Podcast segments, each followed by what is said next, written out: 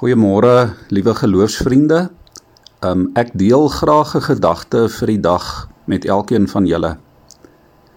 Dit was gisteroggend, Sondag die 22ste Maart, waarskynlik die laaste erediens wat ons vir die afsienbare tyd as gemeente ook sou hê.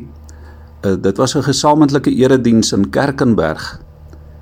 En wat vir my wonderlik was is dat na die erediens In die konsistorie sluit een van die ouderlinge af met gebed.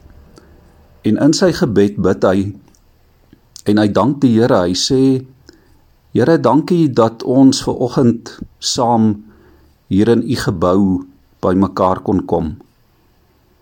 Laat ons nou hier uitgaan en laat ons liggame 'n tempel vir u wees. Dit was vir my 'n wonderlike gebed en dit het my laat dink aan dit wat Paulus geskryf het in 1 Korintiërs 6 vers 19 waar hy sê julle liggaam is 'n tempel van die Heilige Gees. Julle het die Heilige Gees wat in julle woon van God ontvang en julle behoort nie aan julleself nie. Julle is gekoop en die prys is betaal. Die gedagte is dat ons vandag elkeen ook ons liggame sal gebruik as 'n tempel van God. Ook in hierdie tyd waarin ons nou lewe.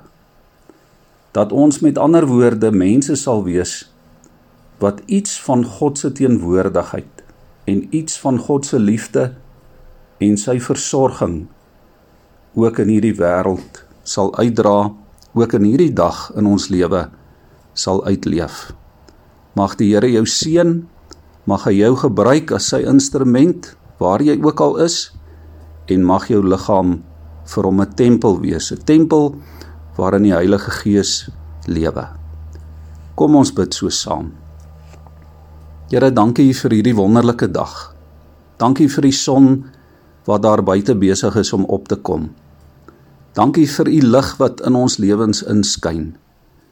Dankie Here dat u ons waardig ag dat U ons liggame inrig en gebruik as 'n tempel waarin U lewe. Here gee dat U Gees ook deur ons vandag hierdie wêreld van ons 'n mooier en 'n beter plek sal maak. Dit bid ons in afhanklikheid in die naam van ons verlosser Jesus die Here. Amen.